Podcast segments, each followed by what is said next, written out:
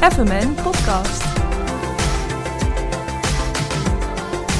Powered by Facility Management Nederland. Welkom bij Doe eens Duurzaam. In deze reeks van 17 afleveringen nemen Yvette, Wim en ik jullie mee in wat FM kan bijdragen aan de Sustainable Development Goals. Vandaag hebben we het over SDG 6, schoon water en sanitair. En hier gaan we het vandaag over hebben met Wilvet Schipperen van FM2 Share en Christel Simmelink van Waternet. Maar we starten met Rick Oldenkamp van het Amsterdam Institute for Global Health and Development.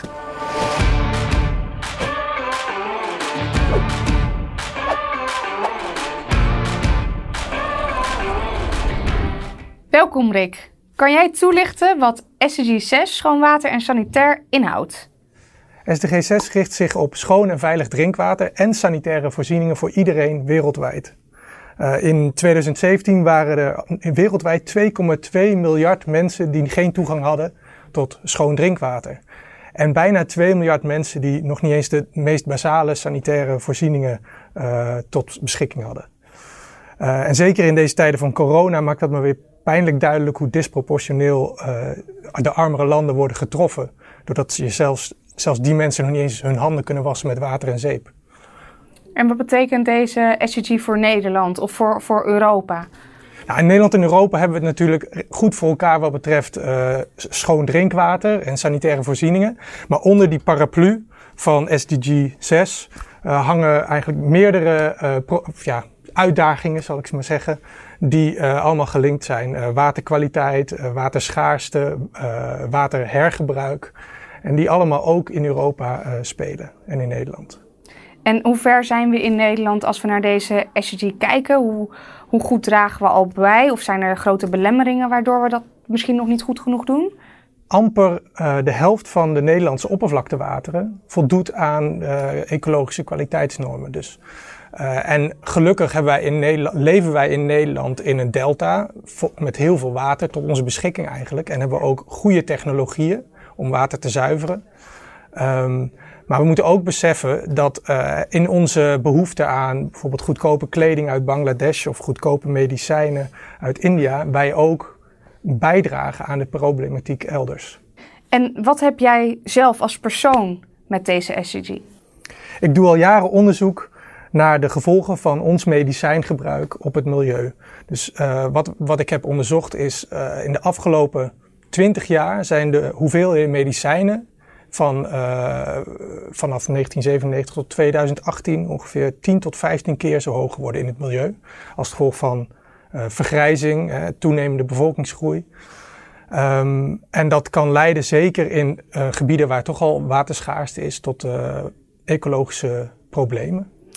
En wat zouden organisaties of, mensen die kijken kunnen bijdragen aan, aan deze oplossing of aan de oplossingen van de SDG?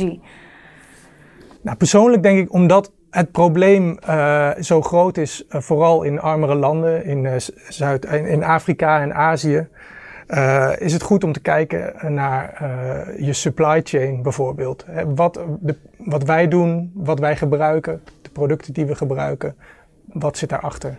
En kunnen we daar een duurzaamheidsslag maken? Maar ook meer lokaal watergebruik, duurzaam watergebruik en vervuilende activiteiten identificeren en uh, aanpakken. En heb je wellicht nog een uh, praktijkvoorbeeld van uh, hoe een organisatie bijdraagt aan de doelstellingen van deze SDG? Nou, wat ik zelf wel een mooi voorbeeld vind vanuit de, de ziekenhuizen en de medicijnenkant, zeg maar. Uh, is uh, het gebruik van plaszakken in ziekenhuizen. Dus wat, wat uh, vaak gebeurt tegenwoordig is dat plaszakken mee worden gegeven aan patiënten die een chemokuur hebben gehad of röntgen contrastvloeistof binnen hebben gekregen. Zodat ze thuis niet al die afvalstoffen weer uitplassen naar het riool. Maar dat ze die in een plaszak en de bij het volgende bezoek weer mee terug kunnen nemen. Dat het op een goede, verantwoorde manier verwerkt kan worden. Dankjewel Rick. Aan het einde van deze aflevering komen we weer bij jou terug. En we gaan het nu eerst hebben met Wilfred over medicijnafval in ons water en hoe je dat kan filteren. En met Christel van Waternet over wat Facilitair daar doet op het gebied van deze SDG.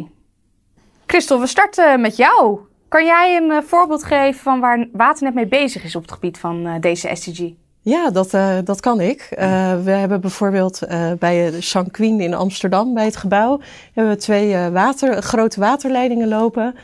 En daar in de winter wordt de kou opgeslagen van die waterleidingen. En dat wordt in de zomer wordt dat, gebruikt door Sanquin voor het, het koelen van hun producten.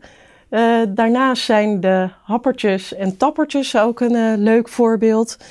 Um, de tappertjes, daar, uh, ja, dat zijn uh, van die waterpunten waar je echt met een fles uh, water kan tappen. En die worden steeds meer door Amsterdam en omstreken worden ze geplaatst. Niet alleen buiten, maar tegenwoordig ook binnen in de kantoren en in de scholen. Die kan je ook aanvragen bij Waternet.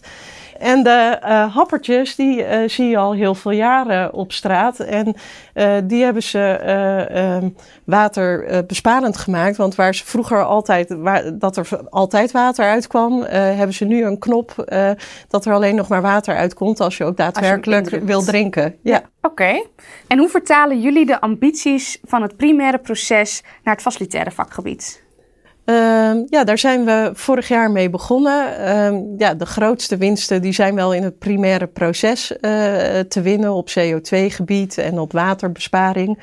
Maar we denken uh, dat er bij facilitair meer te halen valt dan ja, wat men nu op dit moment denkt. Uh, dat daar veel meer verborgen impact zit. Maar waar we vooral een hele grote rol zien is ook uh, uh, dat onze projecten op het gebied van uh, waterbesparing en andere duurzame projecten, dat dat gaat ook over de zichtbaarheid en gedragsverandering van medewerkers en bezoekers die ook op het kantoor komen. en we hebben voor onszelf hebben een roadmap gemaakt voor de komende vijf jaar. Uh, voor de uh, verschillende gebieden, dus catering, schoonmaak, afval, et cetera. Daar hebben we overigens inkoop en communicatie een apart plekje gegeven. Uh, wat wel andere afdelingen zijn, maar ja, die natuurlijk wel een hele be belangrijke rol spelen in het inkopen van de facilitaire goederen en ook het communiceren van de gedragsverandering. En heb je wellicht wat voorbeelden van initiatieven, misschien uh, kleine stappen die jullie al uh, gezet hebben? Elke stap is er één, dus... Nou ja, hoeveel wil je er hebben? uh, we hebben sinds een aantal jaar hebben een leuke waterbar. daar staat ook een lekker siroopje bij. En de ene dag munt en de andere dag wat citroen en sinaasappel. Uh, om het watergebruik te stimuleren en dat mensen dus niet ja, flessenwater kopen, dat ze het gewoon bij ons uit de, uit, uit de kraan tappen. dus dat is één voorbeeldje. wat we ook hebben gedaan is vroeger schonken we alle sappen en melken over in het restaurant, maar ook voor de banketing in kannen om het netter te presenteren. En dat laten we nu gewoon in een eigenlijke uh, verpakking zitten. Want dat bespaart sowieso arbeidskrachten, maar het bespaart ook nou ja, het wassen van de kannen. Uh, en uh, zeep in het riool, et cetera. Dus ja, dat zijn wat leuke kleine voorbeeldjes. Ja, leuk. En hebben jullie ook al grote investeringen of wat grotere veranderslagen gedaan? Of zijn jullie daarmee bezig op dit moment? Uh, ja, we hebben uh, een leuke besparing gedaan de afgelopen jaren. Uh, toen we ons nieuwe cateringcontract afsloten. We hebben de uh, koffieservice, de, de, de, koffiekannen en theekannen op de vergaderzalen hebben we afgeschaft. Uh, en waar we zagen dat er vroeger heel veel weggegooid werd, ja, kunnen mensen nu bij uh, een Jura-apparaat in de zaal of bij de kleine vergaderzaaltjes kunnen ze op de gang een kopje koffie halen. En dat heeft op jaarbasis, was dat qua geld een besparing van 65.000 euro. Uh, vorig jaar hebben we ook geïnvesteerd in een nieuwe vaatwasmachine. Uh, deze heeft een uh, speciaal voorwasapparaat. en we zien dat het water van, van de, de, nawas naar de gewone was, de hoofdwas naar het voorwas gaat. En dat water wordt steeds gerecycled. En met deze vaatwasmachine in een niet-corona-jaar zou je ongeveer 170.000 liter water op jaarbasis besparen. Dat is een hoop. Dat is een hoop. Je moet natuurlijk ook wel weer kijken op het gebied van circulariteit. Uh, de machine uh, kost ook weer grondstoffen. Dus als je het helemaal goed zou uh, doen, zou je de hele keten berekenen en wat dan je besparing ook ja. is. Nou, dat zijn al best wel wat initiatieven die jullie hebben genomen. Jullie hebben ook een transitie meegemaakt in het bedrijfsrestaurant. kan je daar wat over toelichten? Ja, daar uh, hebben we vorig jaar in de Week van de Circulariteit hebben we de Meatless Monday uh, geïntroduceerd.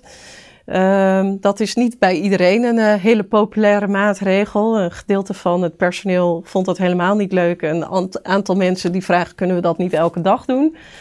Um, ja, het, het scheelt al een hoop als je één keer per week vegetarisch eet. En dan moet je denken, voor, um, voor één kilo vlees heb je ongeveer 8600 liter water nodig.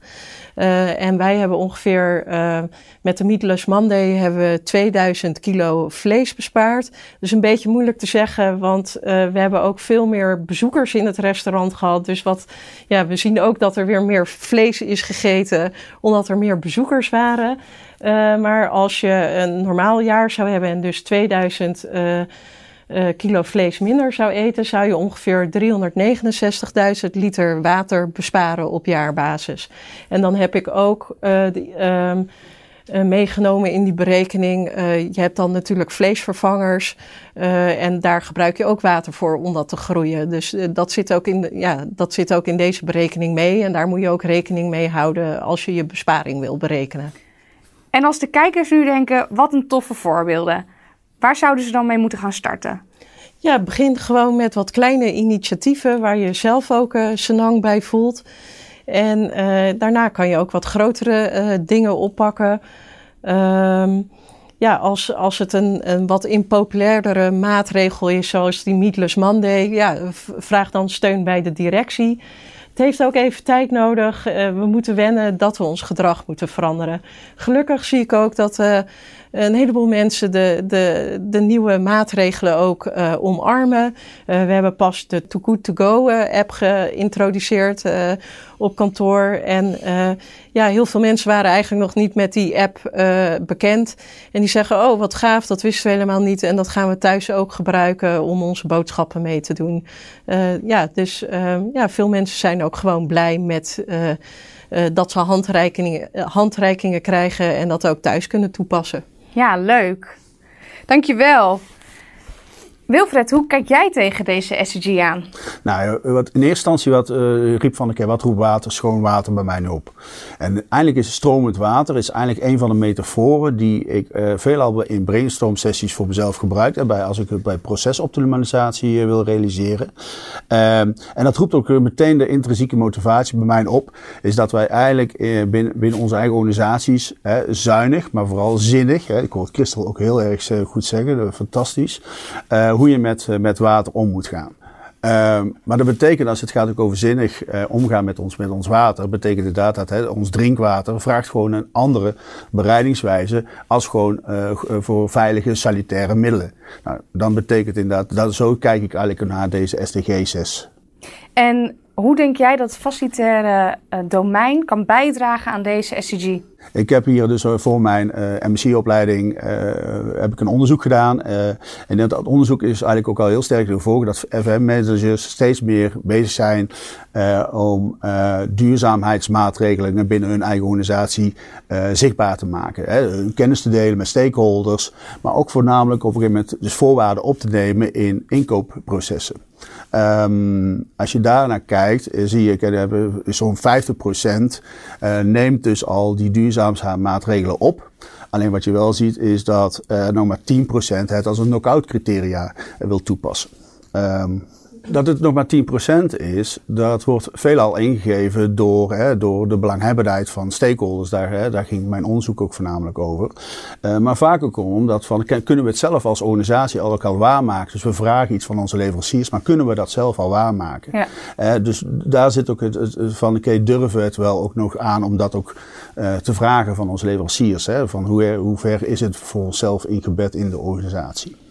Als tweede uh, toegevoegde waarde zie ik gewoon heel graag dat uh, het vaste domein, dus die duurzaamheidsmaatregelen, en zeker als het gaat over schoon water, veel meer opneemt in de roadmap. Ik hoor het Christel ook al aangeven uh, van oké, dat je daar vijf jaar op een gegeven moment doorkijkt van hoe willen we hiermee omgaan? Daarmee activeer je ook gewoon veel meer die stakeholders. Hè. We, veranderen daarmee ons gedrag. Hè. We, laten mensen ook wennen aan een, aan, uh, um, aan een situatie en daardoor mee realiseren we dus gewoon veel beter onze doelen. Wat ik wel heel belangrijk vind, is om binnen die roadmap dus uh, durven te ontwikkelen. Uh, en daar uh, zie ik nog wel eens dat, dat, dat het de wensen overlaten. Hè. Dat is ook uit mijn onderzoek gebleken. Ja, ja dat, dat heb ik dan ja, in de praktijk een beetje gebracht. wat ik al zei, wij hebben een, ja, een roadmap vorig jaar ontwikkeld. En uh, wij zijn ook maar gewoon begonnen uh, met de voorbeelden die ik allemaal al noemde. Maar we zijn bijvoorbeeld ook gewoon uh, dit jaar RCC gaan aanbesteden met de koffie. En dat doen we nu ook met het afvalcontract. En dat, dat, wat Wilfred ook zegt, het is gewoon, ja, ga beginnen, maak fouten en, en durf gewoon te doen. En uh, ook al uh, zijn, ben je zelf ook nog niet helemaal als organisatie klaar, samen met de keten kan je ook uh, ja, gaan ontwikkelen en, en gaan leren over duurzaamheid en deze SDG. En hebben jullie nog toekomstplannen? je hebt al heel veel initiatieven genoemd, maar staan er al wat dingen op de rol die eraan gaan komen om er verder mee aan de slag te gaan? Nou ja, we zijn op dit moment, uh, zijn mijn collega's bezig met drie aanbestedingen. Eentje op het gebied van afval, eentje op het gebied van uh, sanitaire middelen en uh, de glasbewassing. Nou, daar zit ook deze SDG met waterbesparing, gebruik van schoonmaakmiddelen zit daar natuurlijk ook weer in. En dat gaan we ook weer op een circulaire manier aanbesteden via de RCC-methodiek. En ja, daar, daar zien we een heel mooi voorstel uitkomen. En we merken ook dat de markt nou, er steeds meer klaar voor gaat worden. En, en dat de leveranciers het ook leuk vinden om als partner met ons samen te werken. In plaats van dat wij een uitvraag helemaal uitgekristalliseerd hebben. dat we dus juist vragen, nou kom jij maar met de beste oplossing voor Waternet. En hoe gaan wij dat samen doen? Ja, leuk. Goed bezig. Ja. Hey, Wilfred, Rick vertelde al aan het begin even over medicijnafval in water. Jij hebt daar onderzoek naar gedaan, naar Pharmafilter. Kan jij daar kort iets over toelichten? In 2008 zijn we, zijn, uh, heb ik mee, van het begin mee mogen maken hoe het Pharmafilter is ontwikkeld. En Pharmafilter uh, zuivert het, het, water, het afvalwater van uh, medicatie, hormonen en ook giftige cytostatica. En wat zijn de belemmeringen op dit moment uh, als je kijkt naar toepassing van het farmafilter? Waar, waar loop je tegenaan? Ja, nu, uh, dus in 2008, hè, ik heb onlangs ook een project binnen het Erasmus MC. Daar uh, is het farmafilter ook in gebruik genomen. Um, en dus het is nu tien jaar verder. En we zien, nou, het blijft nog steeds dat het water wat farmafilter zuivert in principe niet gebruikt kan worden als drinkwater. dus dat, dat, ja, dat zou een eerste belemmering kunnen zijn. Uh, wat, wat me meegegeven wordt, is dat uh, op het moment dat Pharmafilter een nieuwe ziekenhuis, dat ieder nieuw, uh, nieuw project eigenlijk ook nieuwe problemen met zich meebrengt. Um, waar je tegenaan loopt, waar je opnieuw door moet ontwikkelen, nieuwe ideeën voor moet, moet bedenken. Um, nou, dat, dat, vraagt, dat vraagt veel energie voor, voor het Pharmafilter. En is het zo dat je het Pharmafilter alleen kan toepassen in ziekenhuizen, of zou dat ook elders toegepast kunnen worden? Um, in principe zou je het farmafilter op meerdere plekken kunnen, kunnen toepassen. Maar wat voornamelijk is, is ook de circulaire van het farmafilter. Hè, eh, van de, op het moment datgene wat je uit het farmafilter haalt. Hè, stond reststof en die reststoffen nou, die kun je weer hergebruiken. Maar ook het water uh, kun je, zou je bijvoorbeeld kunnen gaan gebruiken om nieuwe energie op te wekken. Nou, dat vraagt inderdaad om, om, een verdere ontwikkeling in, mee, met zich mee te nemen. Um, en daarvoor, ja, zoals ik ook in mijn onderzoek uh, uh, tegenkwam, is het misschien daar wel eens goed om daar uh, de kracht op te zoeken met andere goede, innovatieve, duurzame oplossingen. En waar je de handen in, in, in slaat. Ja. Zouden we kunnen stellen dat het facilitair domein meer verantwoordelijkheid zou moeten nemen voor deze SDG? Want misschien kunnen we stiekem wel veel meer dan dat we in eerste instantie denken. Hoe kijken jullie daar tegenaan? Uh, jazeker kan, kan het vaste domein door, door juist ook vanuit, hè, omdat ze uh, een, een, middelpunt zijn en zowel uh, naar de stakeholders als naar, naar de werkvloer, om dingen echt daadwerkelijk goed zichtbaar te maken. En ook vanuit die zichtbaarheid van waar de verspillingen zitten en waar we zinnig om kunnen gaan met ons, met ons water, kunnen zij ook daarnaast op een die verbeterpunten heel goed van oké, en wat dat voor effecten dan heeft. Nou, Christel heeft al heel veel mooie voorbeelden waar, en waar ook iedereen vrolijk van wordt. Uh, en uh, ja, dat vind ik wel een, specifiek waar het vaste domein een, een absolute bijdrage kan leveren. Ja, aansluitend op Wilfred. Ja, en ik heb het al een paar keer gezegd. Ja, ik denk dat wij gewoon vooral een, gro een grote rol kunnen spelen op gedragsverandering. Uh, ja, met de, de, de voorbeelden zichtbaar maken. Zodat ja, men ook weet van hoe, hoe kan ik thuis afval scheiden. Oh, wat leuk is een groen dak. Dat kan ik thuis ook doen. Uh, en, en zo zijn er heel veel voorbeelden die ze ja, uh, thuis ook kunnen gebruiken.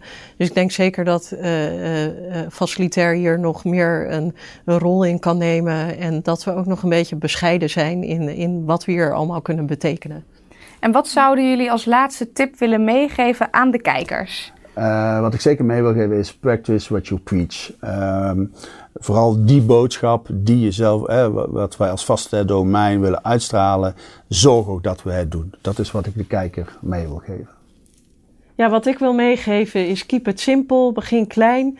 Uh, wees ook niet bang om fouten te maken. We weten allemaal de waarheid nog niet. Uh, probeer van elkaar uh, te leren van andere mensen uit de keten. En wat mij heel erg heeft geholpen is om die roadmap te maken. Nou, dank jullie wel voor jullie bijdrage. Dan gaan we nu weer in gesprek met Rick. Rick, we hebben net twee mooie praktijkvoorbeelden gehad. Wat zijn de highlights die jij daaruit hebt gepikt? Nou, SDG 6 is een wereldwijd probleem. Maar in Nederland spelen de problematiek rondom waterkwaliteit en uh, duurzaam gebruik een grote rol. En uh, daar hebben we heel veel mooie verhalen over gehoord vandaag. En wat zou jij als uitsmijters de kijkers willen meegeven? Ik heb heel veel mooie kleine initiatieven gehoord zojuist. Begin gewoon. Uh, elk initiatief, hoe klein of groot ook, draagt bij aan een oplossing voor dit probleem. Dankjewel Rick voor deze mooie afsluiting. Christel, Wilfred ook onwijs bedankt. En jullie bedankt voor het kijken. FMN Podcast. Powered by Facility Management Nederland.